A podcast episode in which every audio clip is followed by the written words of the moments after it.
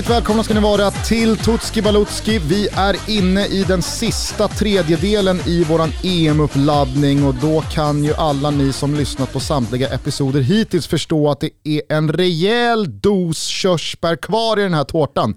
Vi har börjat bakifrån och städat av en del dassgäng. Nu är det, nu är det kronjuvelerna kvar. Ja, Italien öppnade väl liksom kronjuvelerna, eller vad har haft Frankrike?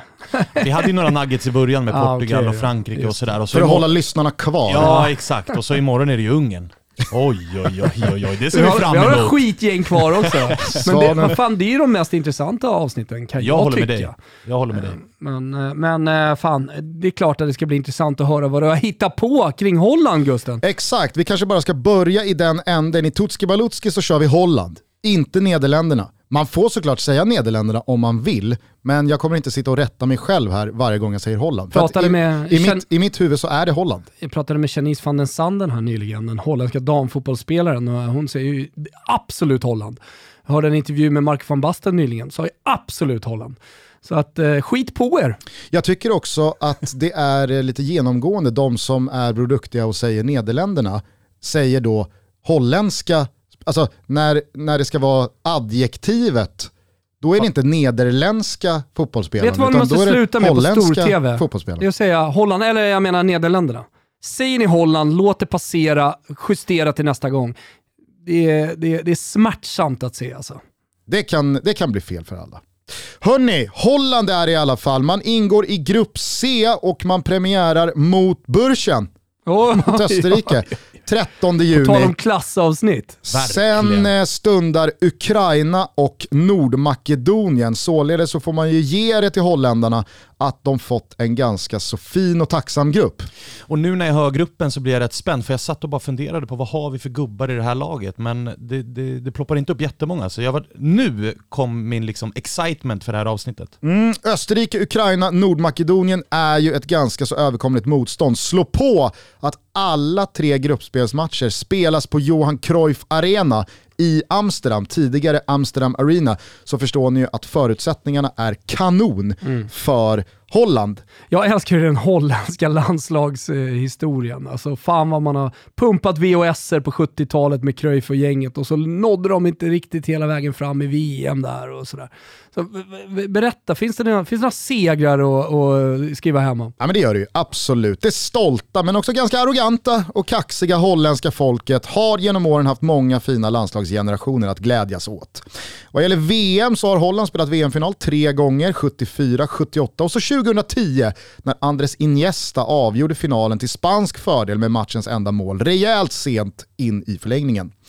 Man har också en bronspeng från 2014, men i Holland så är det inte speciellt många som bryr sig om andra och tredje platser. Jag misstänker att det holländska landslag som nöp bronspengen i Brasilien inte kommer ha samma status i Holland om 25 år som Thomas Ravelli, Martin Dahlin, Brollan och Steffe Schwarz både hade och har här hemma i stolta Svea rike.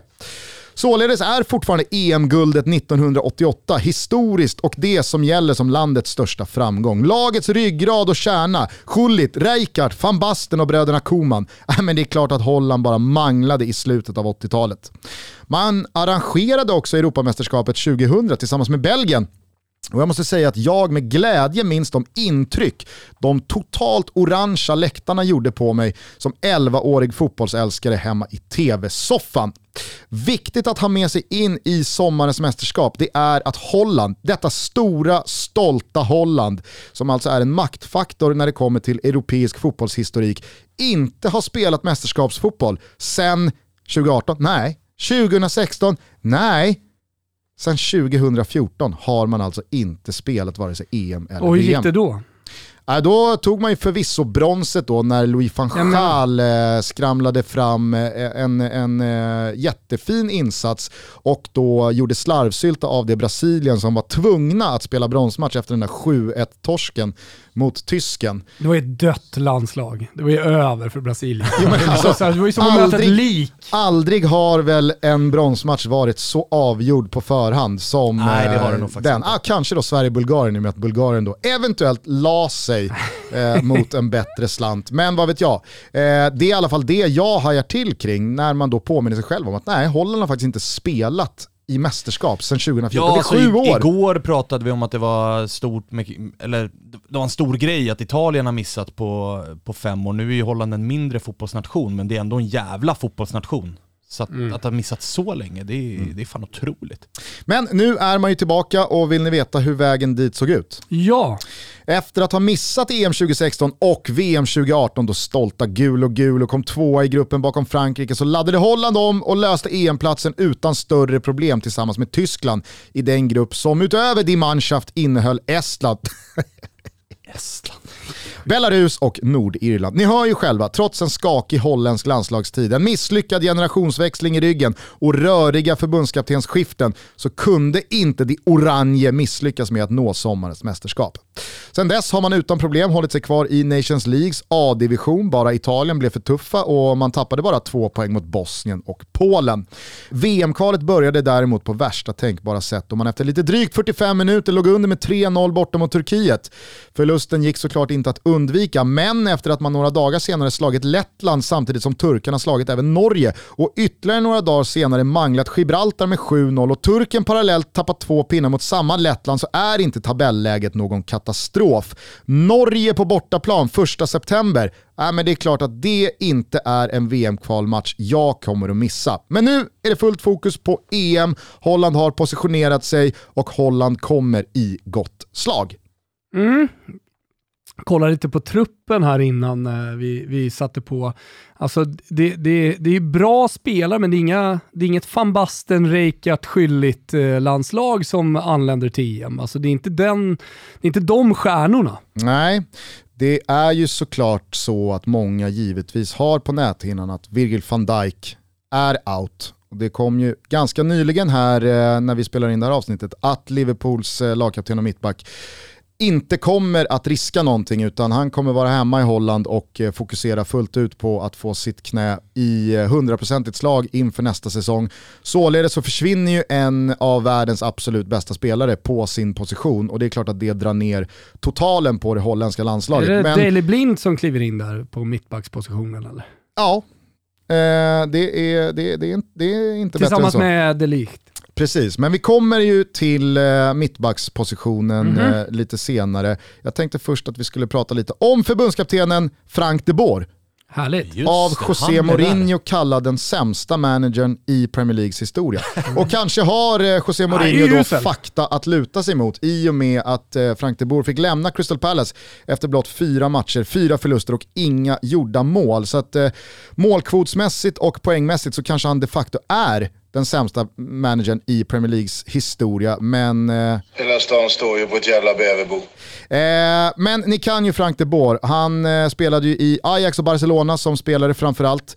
Eh, tog sen ganska tidigt Ajax som tränare och blev först i Eredivies historia med att vinna fyra raka ligatitlar. Allt gott så långt i Frank de Boers unga tränarkarriär. Den här eh, framgången tog honom hela vägen till ett stormigt Milano och ett identitetskrisande Inter 2016. Det gick naturligtvis åt helvete och efter den sämsta inledningen i Premier League-historien som tränare för Crystal Palace så fick han sparken efter bara fyra matcher. Han har studsat i Atlanta och MLS eh, två år innan posten som förbundskapten dök upp i fjol när Ronald Koeman blev för sugen på Barca-gigget och lämnade. Inledde svajigt, han var den första holländska förbundskaptenen någonsin att inte vinna en enda av sina fyra första eh, landskamper. Men han har ju som sagt fått lite ordning på skutan och lotsat det holländska landslaget sedan dess med hyfsad framgång. Är ju en Ajax-gubbe ut i fingerspetsarna, således så är det ett 4-3-3 vi ser i olika variationer där ute på plan med en passningsinriktad fotboll som eh, kanske tydligast ledstjärna. Här snackar vi ju en tränare som verkligen lever på sitt namn.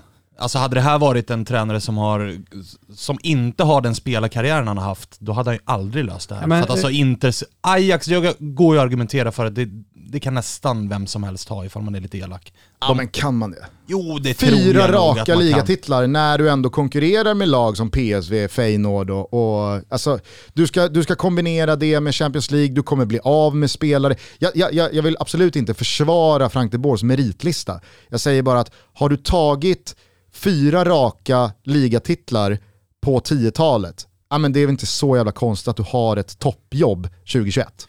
Nej det är det ju inte, men vad han gjorde däremellan, alltså intersessionen, den är ju skratt... Alltså folk garvar ju åt att Frank de Boer var i, i Inter. Och Men- Crystal Palace-gigget var Jo ju... men Jo, ingen men det var ju en garvade ju åt Frank de. Boer när han kom till Inter. Då kom han ju med de här raka ligatitlarna från Ajax. Absolut, och och, där avslöjades väl då Ja. att så här, vänta nu, du är Fel inte på den här inte att komma in i om man nu liksom, det är mång, många tränare som sen har lyckats, eh, som, som hamnar snett eh, när de kom till Inter, Gasperini är en av dem. Men, men eh, det som jag tycker är intressant i och med att han är så tydlig Ajax-gubbe, du säger 4-3-3, men fostrad i akademin, liksom, han tränade väl där typ fyra år innan han blev seniortränare. Och då, då får man ju med sig någonting i sin tränargärning som man tar med sig till sin sin tränargärning sen, som aldrig går bort. Eh, och det pratas ju alltid om det holländska under, man ska spela som Holland och det är totalfotboll och det är fortfarande liksom en Ajax en go-to-klubb.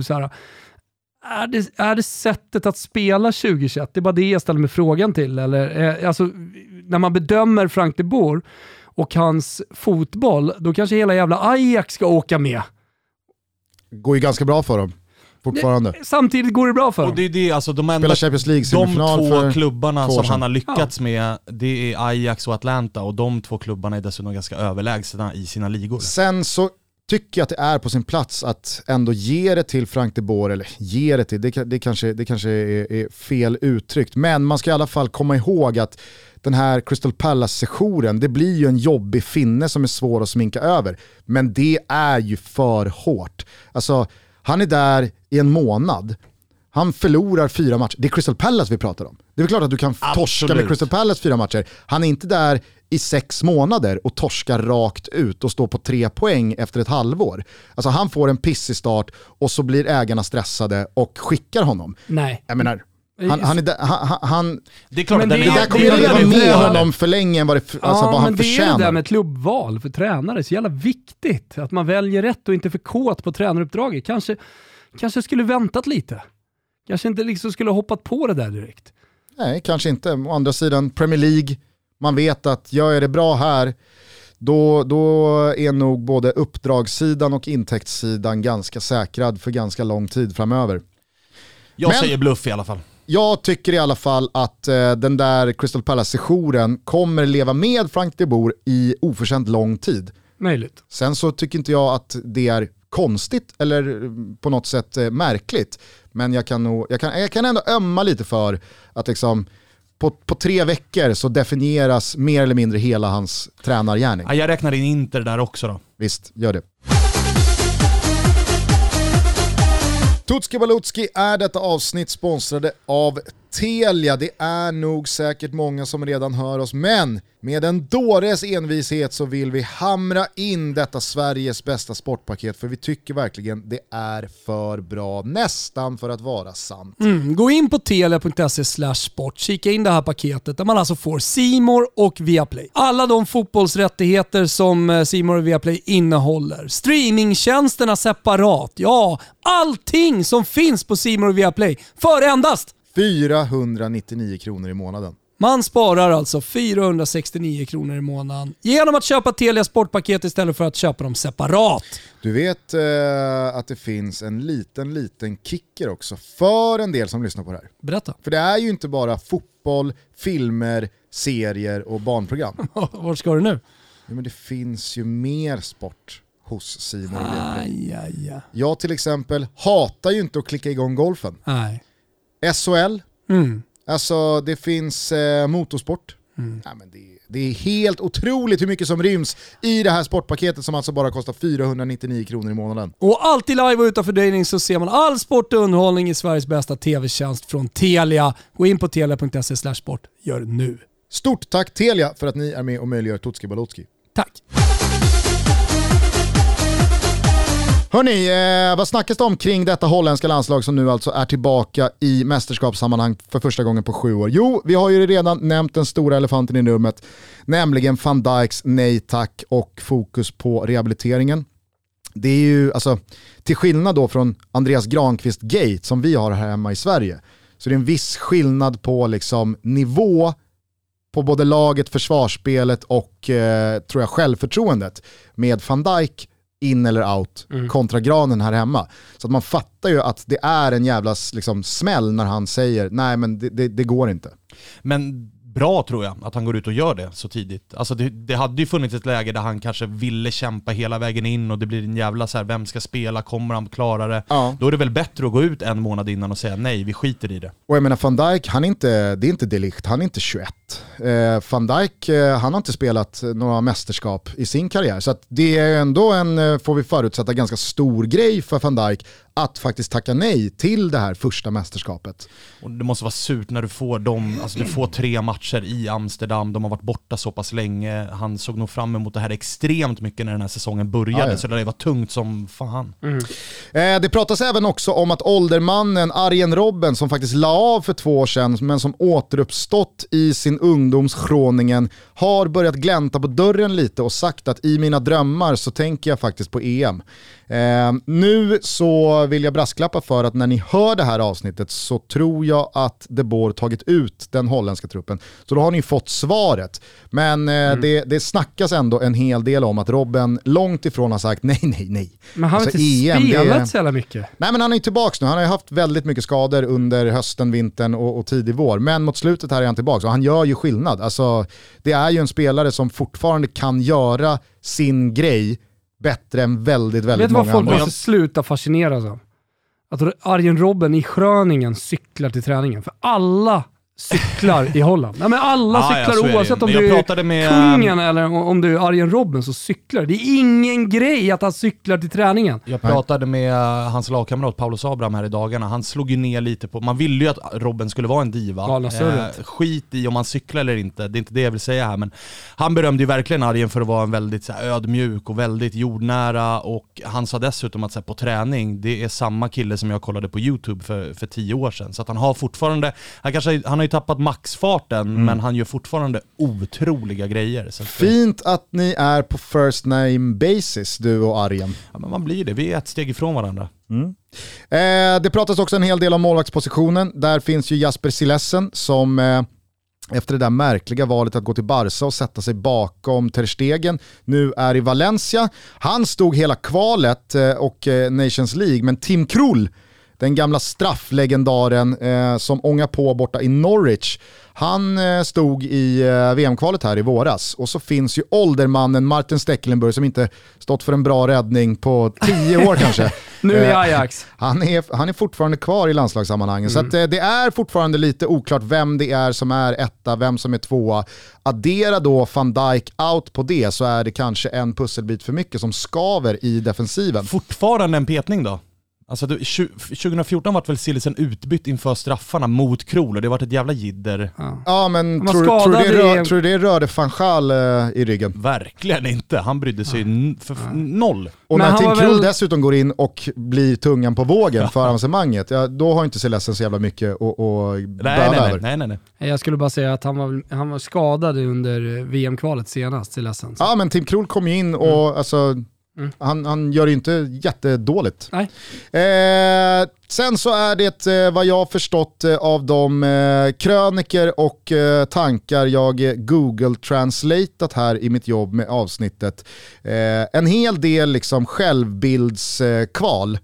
I och med att Holland då som vi varit inne på har i lynnet och har i kulturen att man är störst, bäst och vackrast.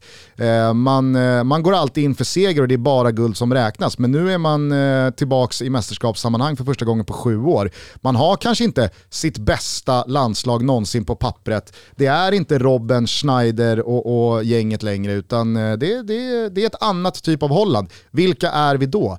Ska vi gå in i det här mästerskapet med guldambitioner och allt annat är ett misslyckande? Eller ska vi vara lite mjuka i nacken och ödmjuka inför att vi kanske inte ska räknas som en favorit? Eh, så att det är det, eh, det, det det pratas om i Holland här inför. Nej, men jag, jag, jag förstår verkligen det, alltså, men sen så börjar man ställa upp det här laget. Jag tycker ändå att det ser bra ut med Frenkie de Jong och eh, jag vet inte om de spelar med Deron eller Wijnaldum, Klasen eh, på centralt mittfält och Memphis Depay och Luke de Jong och gänget Eh, Bergwijn eh, längst fram. Alltså det, de kan ju ändå få till ett jävligt bra landslag menar jag, en bra elva. Absolut. Vad har vi då för eh, MVP, Gusten? Nej, men I skadade lagkaptenen och försvarsgeneralen Virgil van Dijks frånvaro så kommer ett oerhört tungt ansvar falla på Matthijs de Ligt. Den resliga och eventuellt några kilo för tunga Juventus-mittbacken blir den som ska stänga igen butiken och inte minst vara den klippa i stormen att luta sig mot när det behövs i det holländska landslaget som på sistone irrat bort sig i den resultatorienterade skog de alltid sprungit runt i. Han är förvisso bara 21 år gammal, men i Holland är åldern bara en siffra. Han var lagkapten i Ajax redan som 18-åring. Han har lett dem till såväl titlar som Champions League-semifinaler. Under det senaste året etablerat sig som Juventus nästa stora försvarschef när Giorgio Chiellini snart tackar för sig. Det kan låta hårt, men i Holland så är det raka rör som gäller även för 21-åringarna. Det är nu han ska kliva fram, Matthijs de Ligt. Annars vet vi, alla holländare alltså, att du inte är av det rätta virket. Det ska sägas att jag övervägt att ge MVP här till både Frenkie de Jong och Memphis Depay, men när Holland lämnar den här DAS-gruppen, då gäller det att försvarsorganisationen är på plats. Mm. Den lilla färjan, de Ligt. Det är, jag gillar att du säger att det är ett par kilo för mycket, för att det är lite trögt tycker jag. De här vändningarna på, på ja, men när han ska hänga med en anfallare på en femöring, han är inte snabb de första 3-4 metrarna Delikt. Alltså släng på Delikt en Bauer mjukisoverall så ser han ju ut som vilken Timrå-gubbe som helst.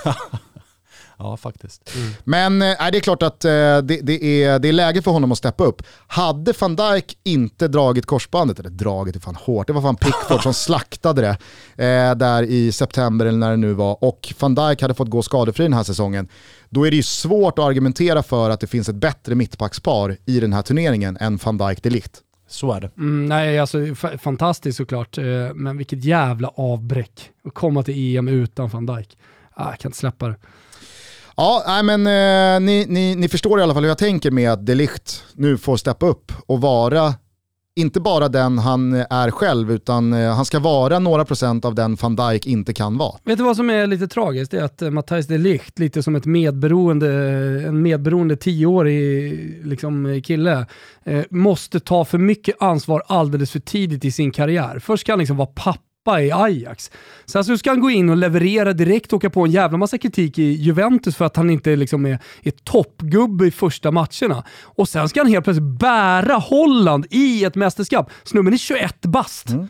Ja, ja absolut. Alltså, jag, jag, jag, jag lider fan med honom. Men han såg, ju in... inte, han såg ju inte ut att må dåligt eh, av att ha den rollen. Eh, alltså, och då, då, då kan vi backa bandet två, tre år. Som 18-åring. I Ajax eh, liksom, eh, hysteri när de var så bra. Hans insats borta mot Juventus när ja. Eh, Ajax slår ja, ut Juventus i Champions League-kvartsfinalen. Han gör mål och han verkligen är ledaren. Jag vet, men det är väldigt, väldigt ja, mycket ansvar säger, Thomas, på en alltså, väldigt har, eh, liten är, kille. Han har haft oflax med att kollegorna som ska vara pappor hela tiden har blivit skadade. både i Juventus och i Holland. Faktiskt. Så att han men, tvingas ju verkligen ta Men han tar ofta ansvar, för det, det ska fan säga om hans säsong i Juventus.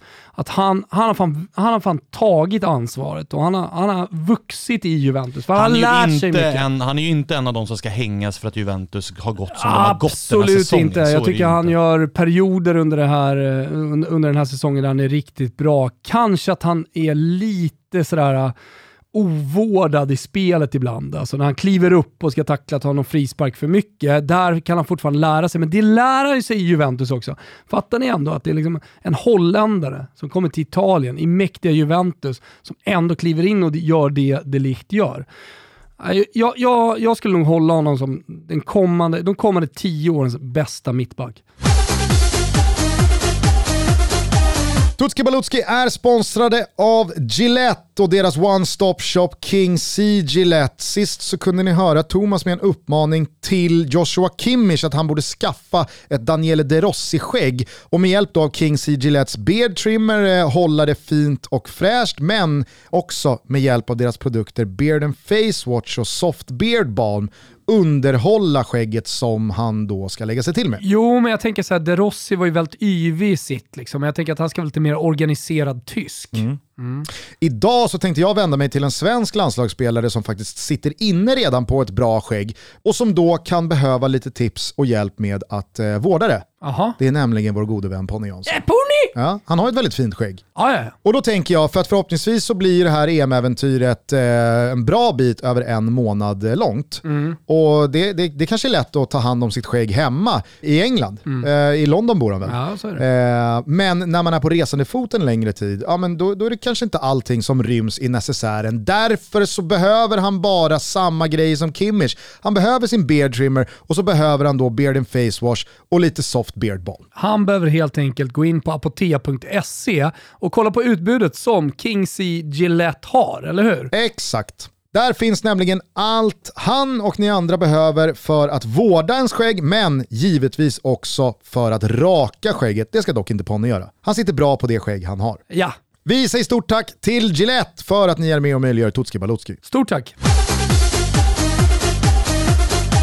Vad eh, har vi på stjärnskott då? Eftersom det inte är Delicht som är 21. Har vi någon yngre? Nej, exakt. Alltså, jag, jag, jag tycker ju att eh, det, det nödvändigtvis inte behöver vara en ung ålder på ett stjärnskott. Eh, men Matthijs Delicht har varit med på den allra största nivån lite för länge för att jag tror att speciellt många som hör det här har missat honom. Ja, och han har ju hoppat upp till MVP. Så att... Exakt, och hans ålder till trots så är han ju väldigt, väldigt etablerad. Således så är han inget alla stjärnskott. 20-åriga Ajax-spelare? Ja, men det är väl Delict då. Han är ju 20-årig Ajax-spelare som redan har tagit de där kliven. Finns det något annat? Ja, det stora stjärnskottet är Daniel Malen. Född 1999, en Ajax-produkt i grunden som lämnade Holland som 16-åring för England och Arsenal på grund av att hans barndomsidoler Thierry Henry och Dennis Bergkamp spelat där. Känns eh, vid första anblick sådär som en liten naiv anledning att eh, hålla på att eh, låta influera Kanske sin fanns karriär. en del eh, alternativ på Malens skrivbord när agenten väl kom. Äventyret blev dock inte speciellt långvarigt. Två år senare så vände han hem till Holland igen. Dock inte till Ajax, utan till värsta sportsliga konkurrenten PSV Eindhoven. Där har målen sprutats in i strid ström sedan 2018 och 21-åringen sitter inne på ett imponerande målsnitt i Eredivisie. 0,5 efter snart tre säsonger. Har även burit PSVs lagkaptens bindel redan, vilket vittnar om vilken status han har i klubben och således även i holländsk fotboll.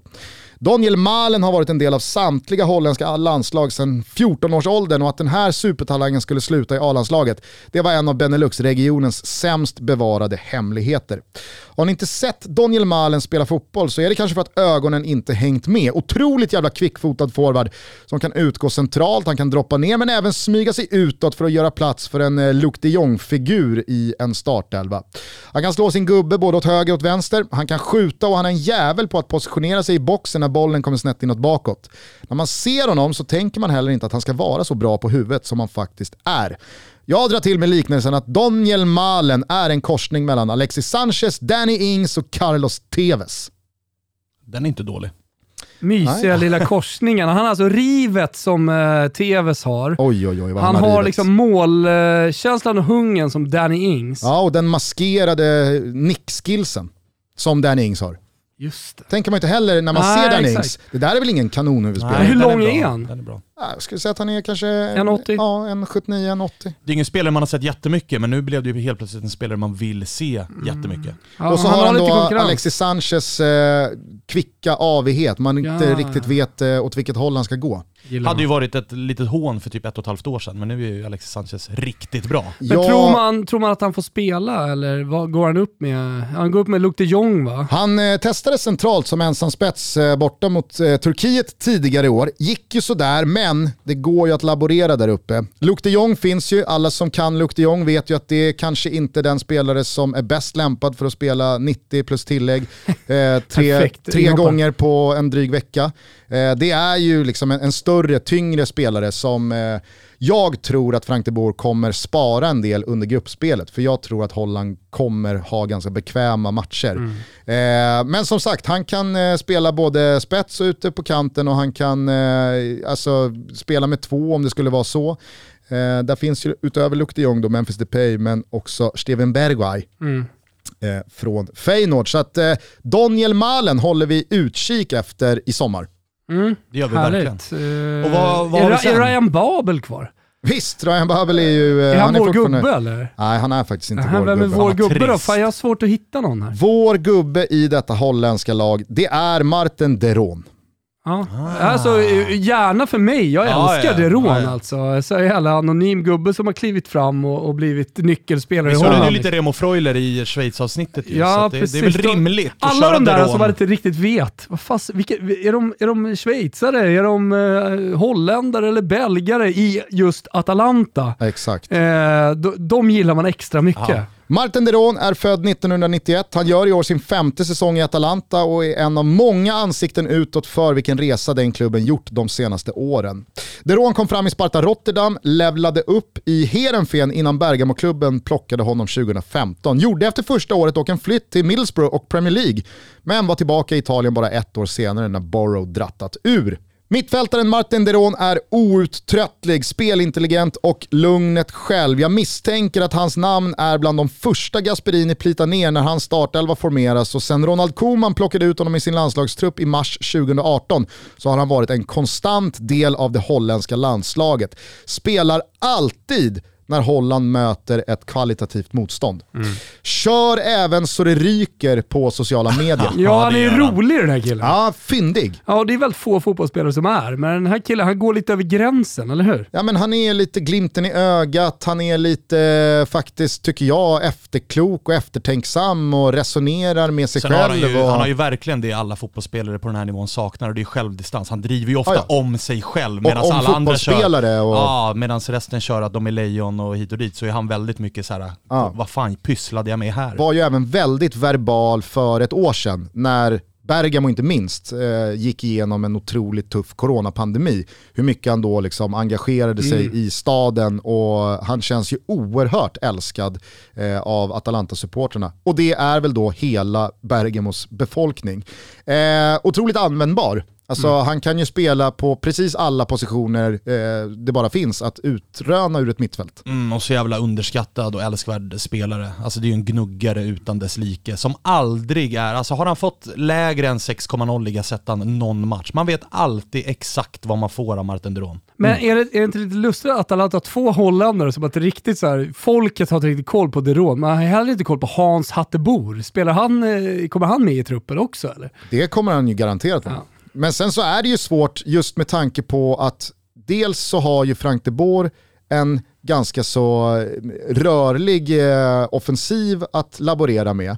Men också när gruppen är så som den är så tror jag att det snarare kommer vara en offensiv balans på, på laget eh, under gruppspelet. Kanske då blir lite mer åt eh, hängslen och livrem ju längre fram man tar sig i turneringen. Men jag förutsätter att eh, både Hatteboer och Deron kommer spela en hel del. Ja, härligt.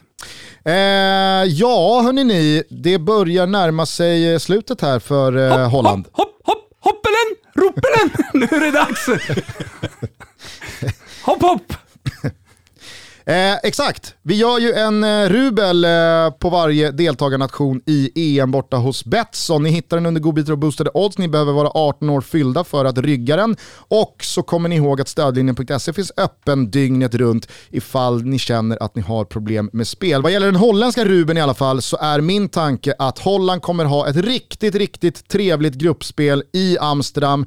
Jag tror att man kommer ta minst sju poäng och, och bara forsa fram mot den där gruppsegern. Men Alla har hemmaplan i det här Ja, det mästerskapet. känns- det Var känns verkligen som det. Så har de hemmaplan också. Ja. Hemmaplansfördelen. Danskarna har hemmaplan. Engelsmännen ska vinna EM på hemmaplan. Fan. Jag tror i alla fall att eh, oavsett vem man ställer i kassen, Silassen eller Krul, så kommer de Ligt styra upp det där försvaret. Eh, Daley Blint är så pass rutinerad och eh, klok i sitt eh, mittbackspel bredvid honom. Och med spelare som Frenkie de Jong, eh, Wijnaldum, eh, Deron, Hatt, alltså det, det, det, jag ser inte Holland släppa in mer än ett mål i den här gruppen. Ukraina, som alltså Bursen, innehåller Nordmakedonien. Österrike, Ukraina och Nordmakedonien.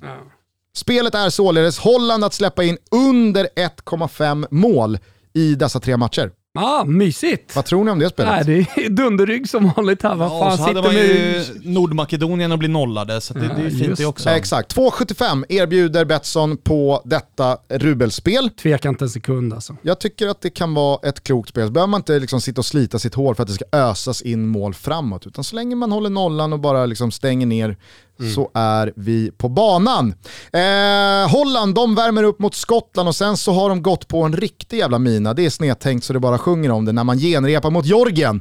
Oj, Hur aj, fan aj, kan man aj. välja världens bästa landslag att genrepa mot? Aj, där kommer självförtroendet få sig en Som man bara kommer rejäl sitta och mysa med 24 eller hade han 27? 18. 18 hade han. Det har redan glömt det, men han är min gubbe hela vägen in i nästa mästerskap. Ja. Nej, men eh, det är eh, alla förutsättningar tror jag ni behöver ha med er när det kommer till Holland. Ja, Fan vad fint alltså. Jag har varit lite, li- känns som en dark horse. Ja, men så, så är det sådär med Holland, väldigt, väldigt omtyckta i Sverige. 60-talisterna hatar ju inte Holland. Alltså 70-talet gjorde någonting. Totalfotbollen ska pratas om fortfarande. Men är inte det ganska märkligt i och med att Holland, just när det kommer till sport och inte minst fotboll, är så långt ifrån det svenska liksom, jantelagstänket är man bara kan 60 komma. det är de här att 60-talisterna. alla, alltså, alla ska få vara med och det ska finnas en bredd mer än en spets. Och Jo.